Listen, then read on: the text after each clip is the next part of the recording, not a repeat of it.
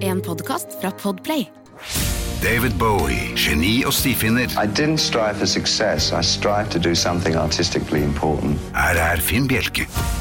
Meningene om dagens låt er delte.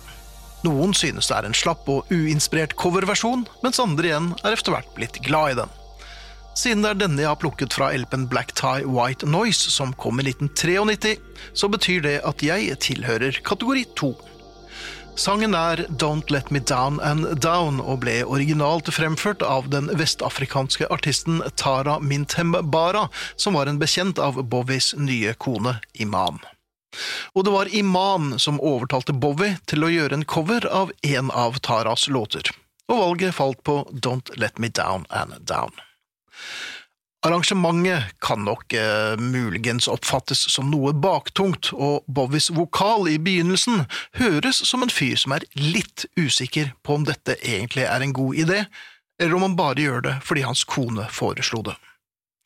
Likevel fungerer Bowies versjon av Don't Let Me Down and Down som et slags ekko av materialet på Young Americans, og det høres som om David Bowie midtveis i sangen bestemmer seg for at dette skal fungere.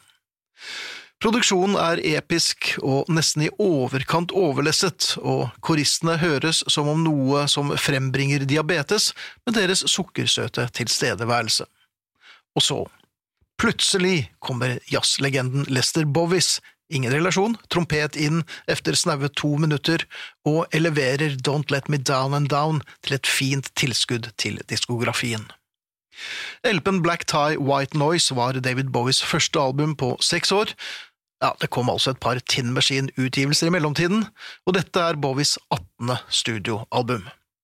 Det var også siste gangen David Bowie var i studio med sin tidligere trofaste høyrehånd og våpendrager, selveste Mick Ronson, som hadde vært helt sentral i starten av Bowies karriere, og som aldri fikk den oppmerksomheten eller de pengene han fortjente. Ronson bidro på en coverversjon av Cream-klassikeren I Feel Free, og døde dessverre bare noen uker etter plateutgivelsen. Don't Let Me Down and Down kan sees på som en bryllupsgave til Iman, sammen med instrumentalene The Wedding og The Wedding Song, og Black Tie White Noise viste at Bowie på langt nær var ferdig som artist, selv om han var nyforelsket. Kreativiteten var tilbake, og det skulle komme mye mer for fansen å få brynt seg på. Heldigvis. Her er Don't Let Me Down and Down bedre enn sitt rykte.